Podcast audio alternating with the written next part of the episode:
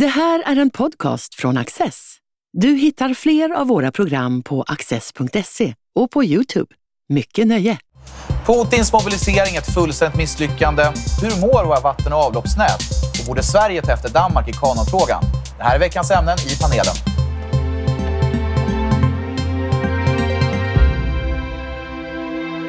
Erik Ersenius, du är kulturchef på Östgöta-Correspondenten och Norrköpings Tidningar.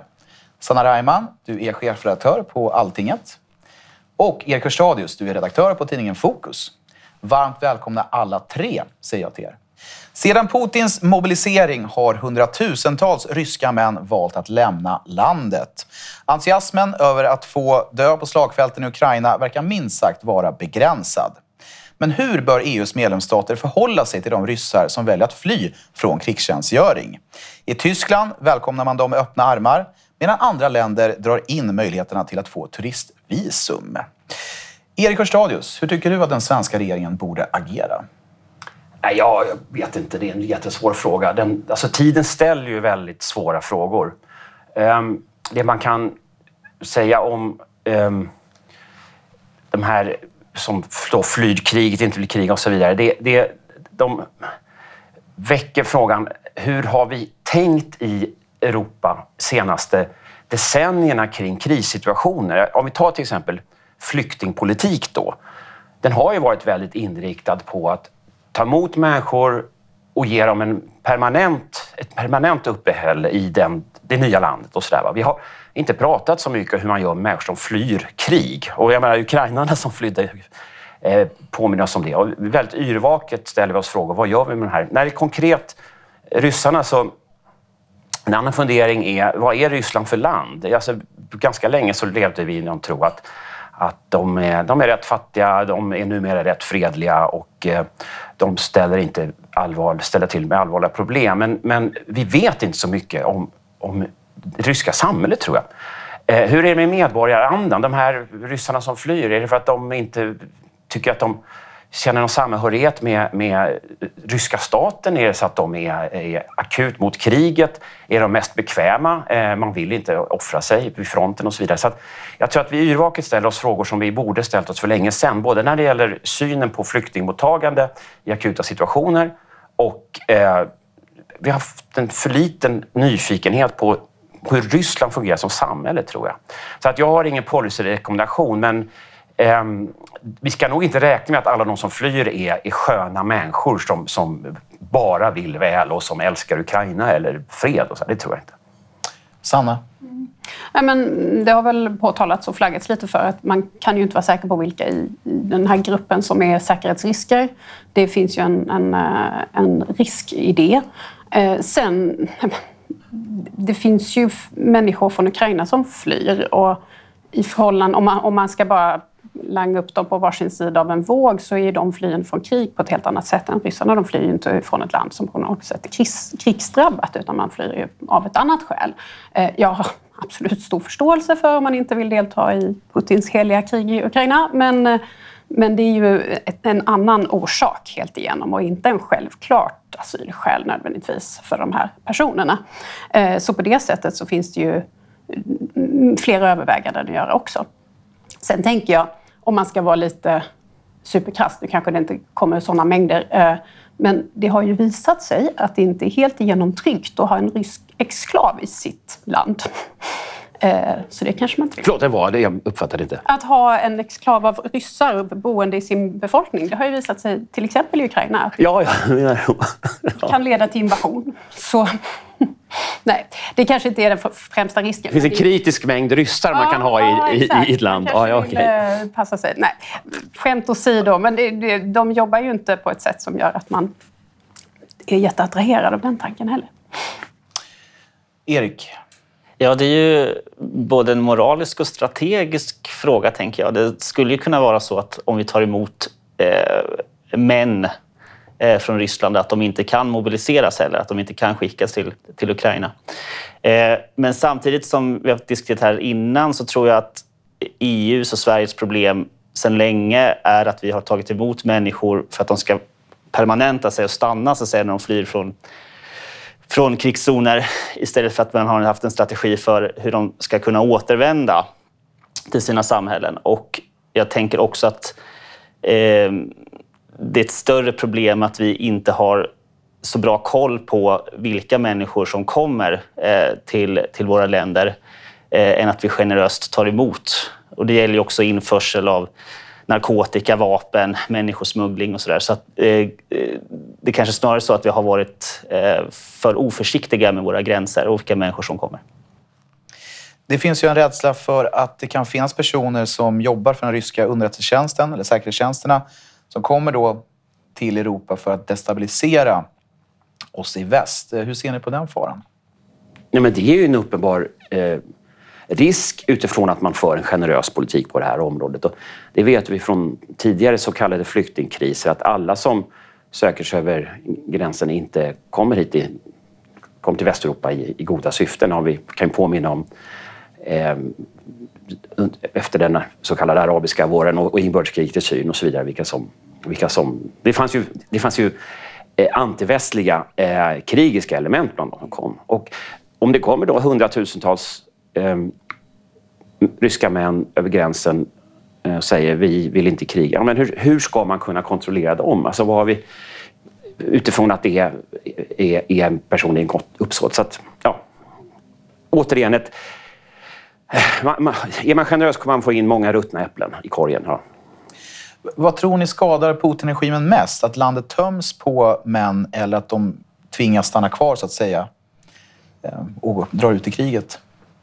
Man kan ju tänka sig att det är så att om de måste stanna, så att, säga, att, att missnöjet med hela situationen tilltar så att de här männen eh, svårligen kan mobiliseras ändå. Att det blir, det blir för mycket motstånd mot eh, den ryska regimen, att det blir liksom som ett tryck. Eh, det kan ju också vara en strategi det här att inte ta emot människor, att man så att säga, tvingar ryssarna i en annan riktning. Men även, alltså, det är klart att vi ser ett tryck på gränserna nu i närområdet och sådär från Ryssland, men det är ju en rännil i förhållande till mängden män i Ryssland. Jag tror att det ska till väldigt mycket för att vi ska kunna tömma Ryssland på män. Mm. Men i allt väsentligt så tror jag att det är bättre att det blir kännbart för befolkningen, det här kriget. Det har det ju inte varit på ett sätt hittills så mycket. Och då, ju fler han eh, sveper ihop och tvingar ut på front, i fronten, desto fler kommer ju ringa hem och berätta vilket härke till krig detta är. Eh, så att det är klart att det är väldigt negativt. Du, du nämnde moral där tidigare, Erik. Och det, man kan ju också se det här är...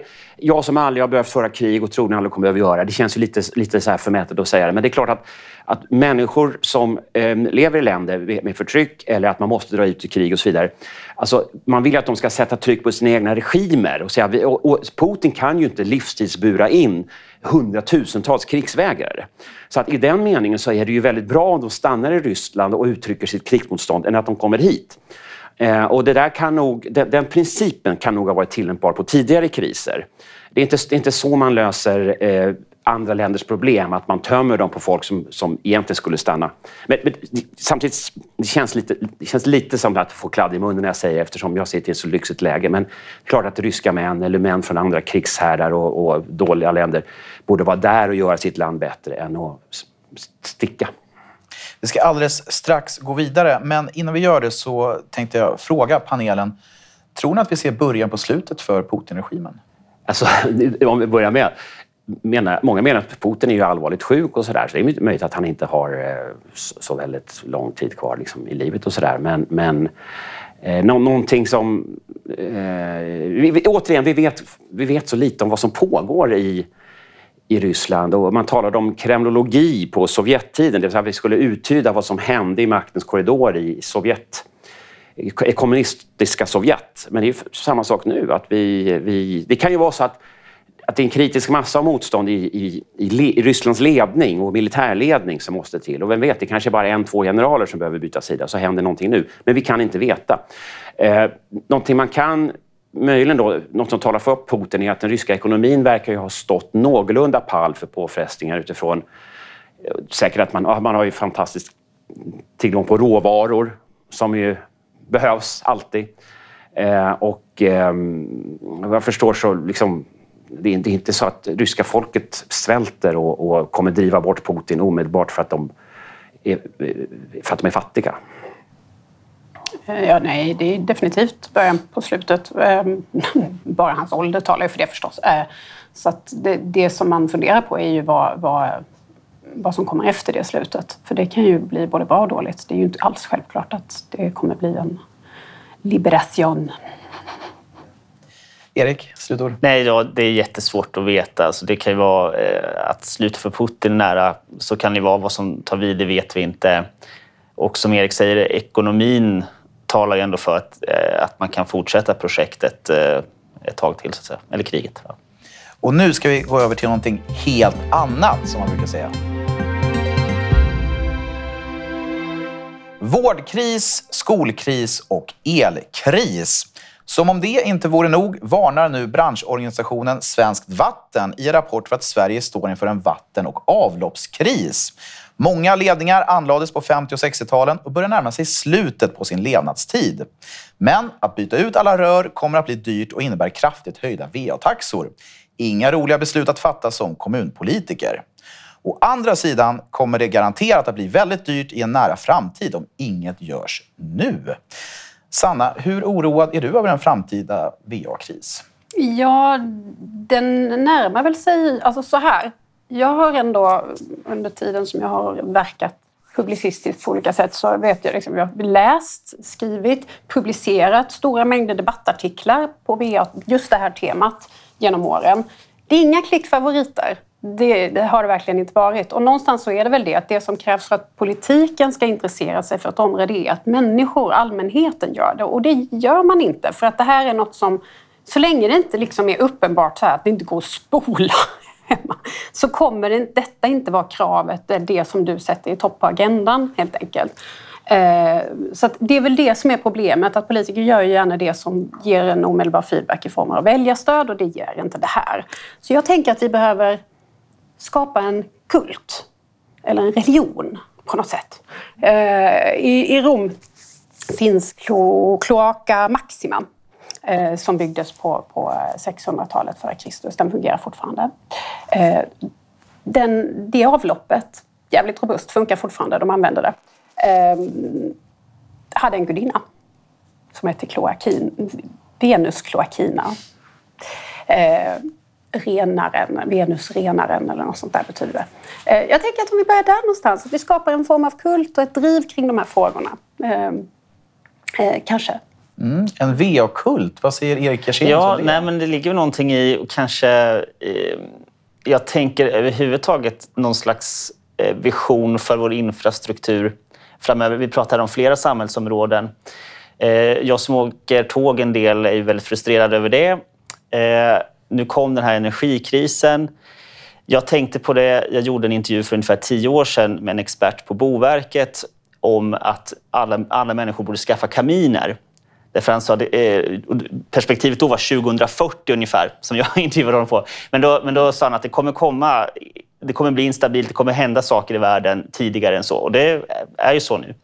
Eh, och där tänker jag någonstans det här just med eh, kunskap och handlingskraft i politiken, Eh, att det är någonting som saknas här. Vi ser att det är flera områden där svenska politiker egentligen skulle behöva samlas och ta gemensamma beslut eh, för hur Sverige ska vara eh, framöver.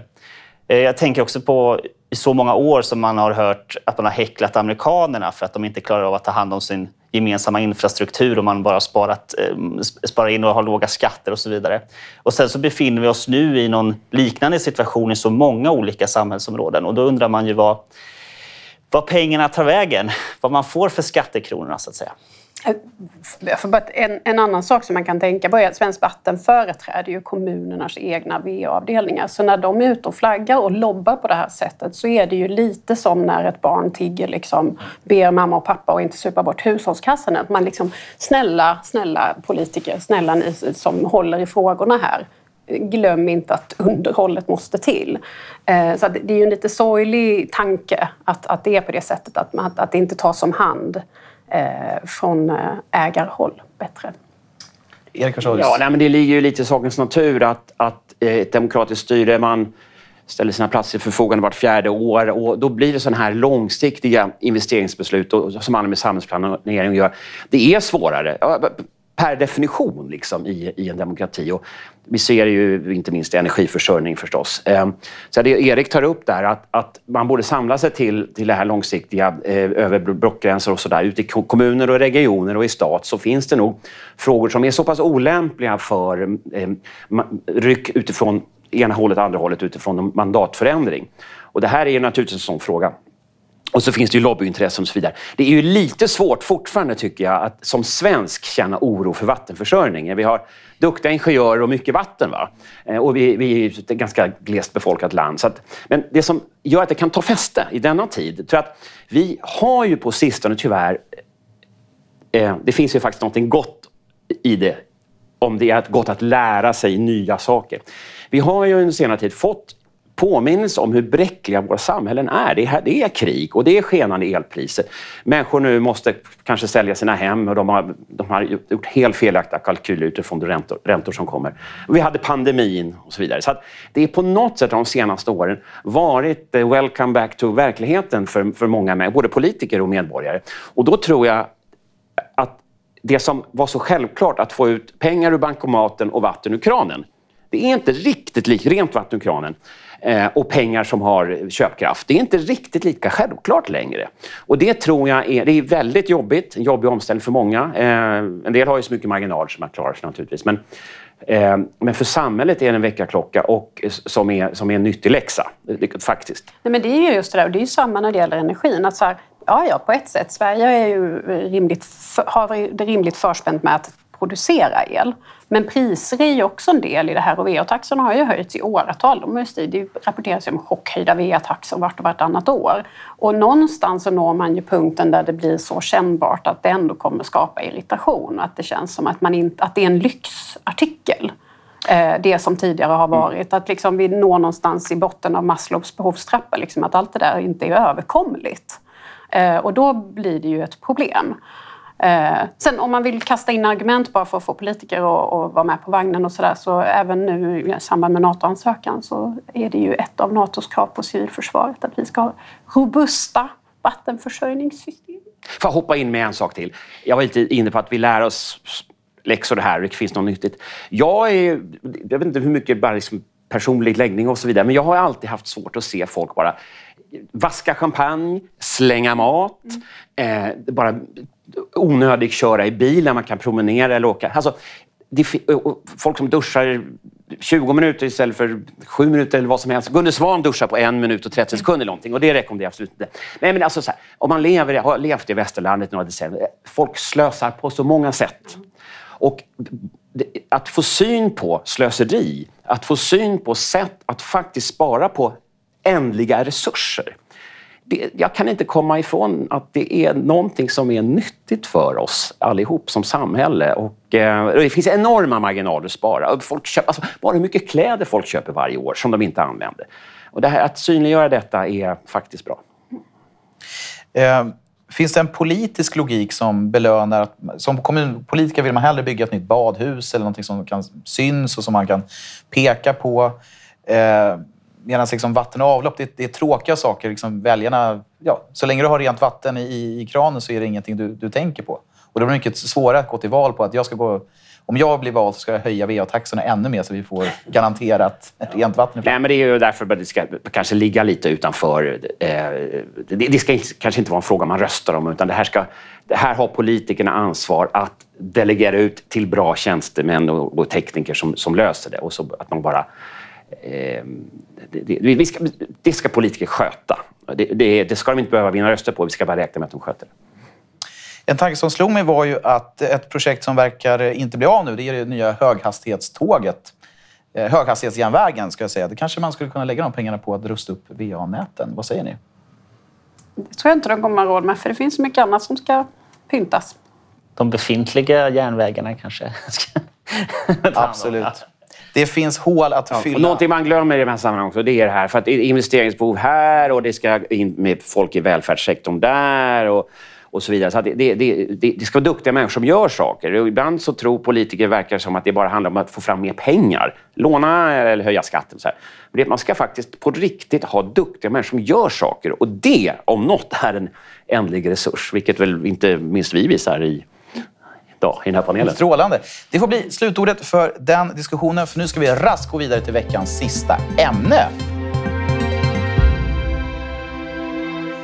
Borde Sverige snegla på Danmark och ta fram en egen kulturkanon som inte bara omfattar böcker utan också filmer, byggnadsverk och värderingar? Nja, säger GPs krönikör Margareta Barabash, även känd från Access TVs panelen. En sådan kanon blir alldeles för bred med svåra gränsdragningsproblem.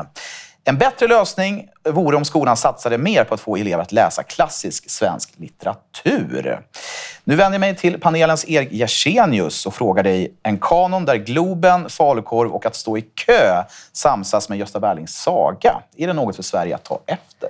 Ja, eh, Margareta är min kollega eh, och eh, hon har ju eh, både rätt och fel här. Eh, jag, jag gillar ju eh, kulturkanon-idén och jag gillar den danska varianten. Den tog sig fram under ett långt arbete som engagerade det danska kulturlivet i olika sfärer. Eh, sen har den diskuterats, och det är ju det som, blir, som sker. Alltså man får en kanon, så diskuteras den och sen omprövas den. och så där. Grejen är att en kanon finns på något sätt oavsett om vi skriver ner den på ett papper eller inte. Det, det kommer finnas vissa verk, det kommer finnas vissa företeelser eh, som genererar ny kultur. Eh, och det jag tänker är, danskarna eh, de, de värnar kanske på ett sätt, eller har en annan medvetenhet om sin kultur på grund av deras historia. Och är ju också fortfarande lite kulturimperialistiska. De är ju liksom en ganska stark kulturkraft i världen, trots sin litenhet så att säga, i, i befolkningsmängd. Eh, så jag, jag undrar om, det svenska kulturlivet skulle ställa upp på att göra en sån här. Det är jag osäker på. Men jag skulle nog tycka att det var en, en trevlig företeelse om vi hade en, en nationell kulturkanon. Eh, sen har Margareta en viktig poäng i att eh, ungdomar ska läsa mer klassiker. Eh, och där har ju jag också argumenterat i den eminenta tidskriften Access för att åter, återinföra den svenska statliga läseboken och engagera förlagen i att göra, skapa en litteraturkanon för den svenska skolan, men också att engagera författare idag att skriva nya läromedel eh, på ett skönlitterärt vis, precis som Nils Holgerssons resa exempelvis och Selma Lagerlöf, så som det gjordes för hundra år sedan. Eh, så där har hon en poäng. Men jag tycker inte de här utesluter varandra, utan jag tycker vi kan gå all in på båda och, och en ny rejäl eh, kulturpolitik. En ny rejäl kulturkanon, vad säger Sanna? Ja, jag är skeptisk faktiskt. Um, inte för att jag... Alltså, det är klart att jag tycker att det ska finnas. Vi ska läsa klassiker i skolan och alla de här sakerna. Men det här lite mer instrumentella med att ha listor över olika, olika kulturkanonlistor och sådär. Ja, just det här som du säger att det blir en diskussion som engagerar hela samhället. Jag tilltalas inte allt av tanken på den debatten. Jag tror den skulle bli jättejobbig. Jag tror inte vi skulle hantera den på ett bra sätt. Jag tror det skulle bli tjafsigt och jobbigt och sen skulle alla ta avstånd från hela listan och så skulle det liksom bli inte så kul. Och jag tänker också att vi har en fäbless för att när vi ska göra sådana saker så vill vi främja tusen saker i den här. Liksom. Så att om jag återkopplar lite här nu till förra ämnet så skulle vi ha en kanon, kanske, vi skulle kanske inte ens bry oss om det var svenska grejer eller inte, utan då skulle man kanske säga att vi måste läsa Les Misérables för att uppvärdera kloakbetydelsen. För kloakerna har ju ett väldigt viktigt, liksom, viktig post, post, i den romanen. Och man kanske skulle behöva läsa Stephen Kings Det för att återigen liksom markera och vikten av, av avloppssystemen och sådär. Kolla på Stranger Things, där är det också något kloak. Där, så. Skulle man läsa så här kalla kriget, ja, men, eh, eh, krigsskildringar ja. där man skräms för ryssen. Eller så skulle allting vara böcker om hållbarhet. Eh, ni, ni fattar, alltså, vi kan inte låta bli att göra alldeles för mycket uppfostran av den här typen av projekt. Eh, så att jag tror inte alls att det skulle bli en radda allmänna bildningspunkter sådär. Eh, det tycker jag inte att den danska verkar vara heller. Och då företräder jag ändå den danska kulturimperialismen i att vi är danskägda. så. Men, men eh, det här med att det finns något hjul från en kontorsstol med på en av de där listorna, att de har hygge med och då ska vi ha fika på vår motsvarande lista. Det känns ju fjantigt. Eh, en sak vi vill flika in, alltså just värderingskanongrejen som har tillkommit, den är eh, märk, kanske med ur svenskt perspektiv. Men annars tycker jag den där eh, grundkanon som danskarna gjorde, om man tittar på den så det finns liksom någon slags, om man får vara lite Wittgensteinsk, familjelikhet i de här olika företeelserna. Det finns ändå någonting som ringar in någonting som är danskt och som jag uppfattar också att många danskar uppfattar är danskt. Eh, och det kan ju vara så att danskarna också har en helt annan eh, vi kan ana det, en helt annan nationalmedvetenhet eller, eller värna det på ett annat sätt än vad vi svenskar gör. Men eh, jag tror i vår i det här samhället som vi lever i nu med motsättningar och segregering och sådär så skulle en sån här debatt, diskussion vara välgörande. Eller så blir det bara ett skyltfönster som visar ja. självbild. Tyvärr tror jag att, att de som skulle göra en kanon, om man liksom så att säga eh, gav det uppdraget, och det skulle inte bli tillräckligt duktiga människor. Liksom sanningen, de skulle vara för, för mycket vindflöjlar i tiden och, och så vidare. Däremot, eh, och jag önskar också att på ett sätt att diskussionen inte behövde uppstå utifrån att eh, vi hävdade det som är svensk kultur som har hållit sig länge, eh, som har stått över åren. Att lärare var mer auktoriteter. Alltså det ska finnas en dynamik i varje samhälle mellan det nya och det som har stått tidens tand. Och sen eh, då, då, då, finns det, I detta finns ju en naturlig kanon naturligtvis. För kanon betyder väl egentligen det, det som det, det är kultur som, har, som inte är dagsländor, och kultur i bred mening då. Eh, och som, har, som har, har, har talat i flera generationer och som också gör ny kultur mer begriplig. För ofta så anspelar den ju på gammal kultur och, och med referenser och allt möjligt. Va? Och då, då blir det ju svårt att förstå det nya om man inte kan plocka upp referenserna till det gamla. Eh, och sen så, jag förknippar ju kanon mest med litteratur. Eh, det är ofta då man pratar om kanon, litteraturlistor. Dr. Glas skulle kunna vara en sån svensk roman som skulle ingå om, om vi går till litteraturens område. Eh, och, och sen finns det kanske Jack, Ulf Lundells Jack är numera ingående i en svensk kanon. Och då vill jag, ja, ni var väl inne på det båda två, vi, vi måste eh, få barnen att, att lära sig läsa, läsa svåra saker, eh, läsa levande litteratur, läsa gammal litteratur som kanske inte är levande, just för att få referenserna. Och det gör man kanske inte efter skolan. Det är skolan det måste ske. Och boken hävdas inte i svenska skolan, utan det är väldigt mycket det är datorgrejer, det är Wikipedia-läsning och så vidare. Och så skäms nästan lärarna, absolut inte alla, men, men många för att alltså, så här, tvinga barnen att läsa. Men det är klart de ska läsa. Sen behöver man inte läsa utifrån att man ska skriva någon fantastisk essä om det man läser eller att, eller, eller, eller prov på det. Men att hävda läsningen, eh, det måste göras av, av många olika skäl, men inte minst det här skälet. Det, om man går tillbaka till 1800-talet, tidigt 1900-tal med de här läseboksexemplen som, som, som fanns i Sverige. Det intressanta där var ju också att både Bonniers och Norstedts engagerades ju i, i, att göra det här och att främja läsningen. Och det tänker jag, det borde vara någonting som låg i de stora förlagens intresse nu också för framtiden, så att säga, för deras framtida affär. Eh, att, att barn lär sig läsa och älska litteratur och fortsätta att läsa som vuxna. Nils Holgerssons, eh, alltså Selma Lagerlöfs Nils Holgersson var väl just framkommen ja, som ja. att väcka barns ja. läslust. Och dessutom en geografilektion då, så att säga. Det är det dessutom, ja. ja. Så det är min tanke. Ett 20-tal sådana moderna verk som skildrar olika ämnen på ett litterärt vis. Det skulle vara helt fantastiskt. Strålande. Vi får se om några av de stora bokförlagen nappar på den idén. Stort tack för att ni har varit med och stort tack för att ni har tittat. Du har just lyssnat på en podcast från Access. Du vet väl att vi också är en tv-kanal och tidning? Teckna en prenumeration idag på access.se.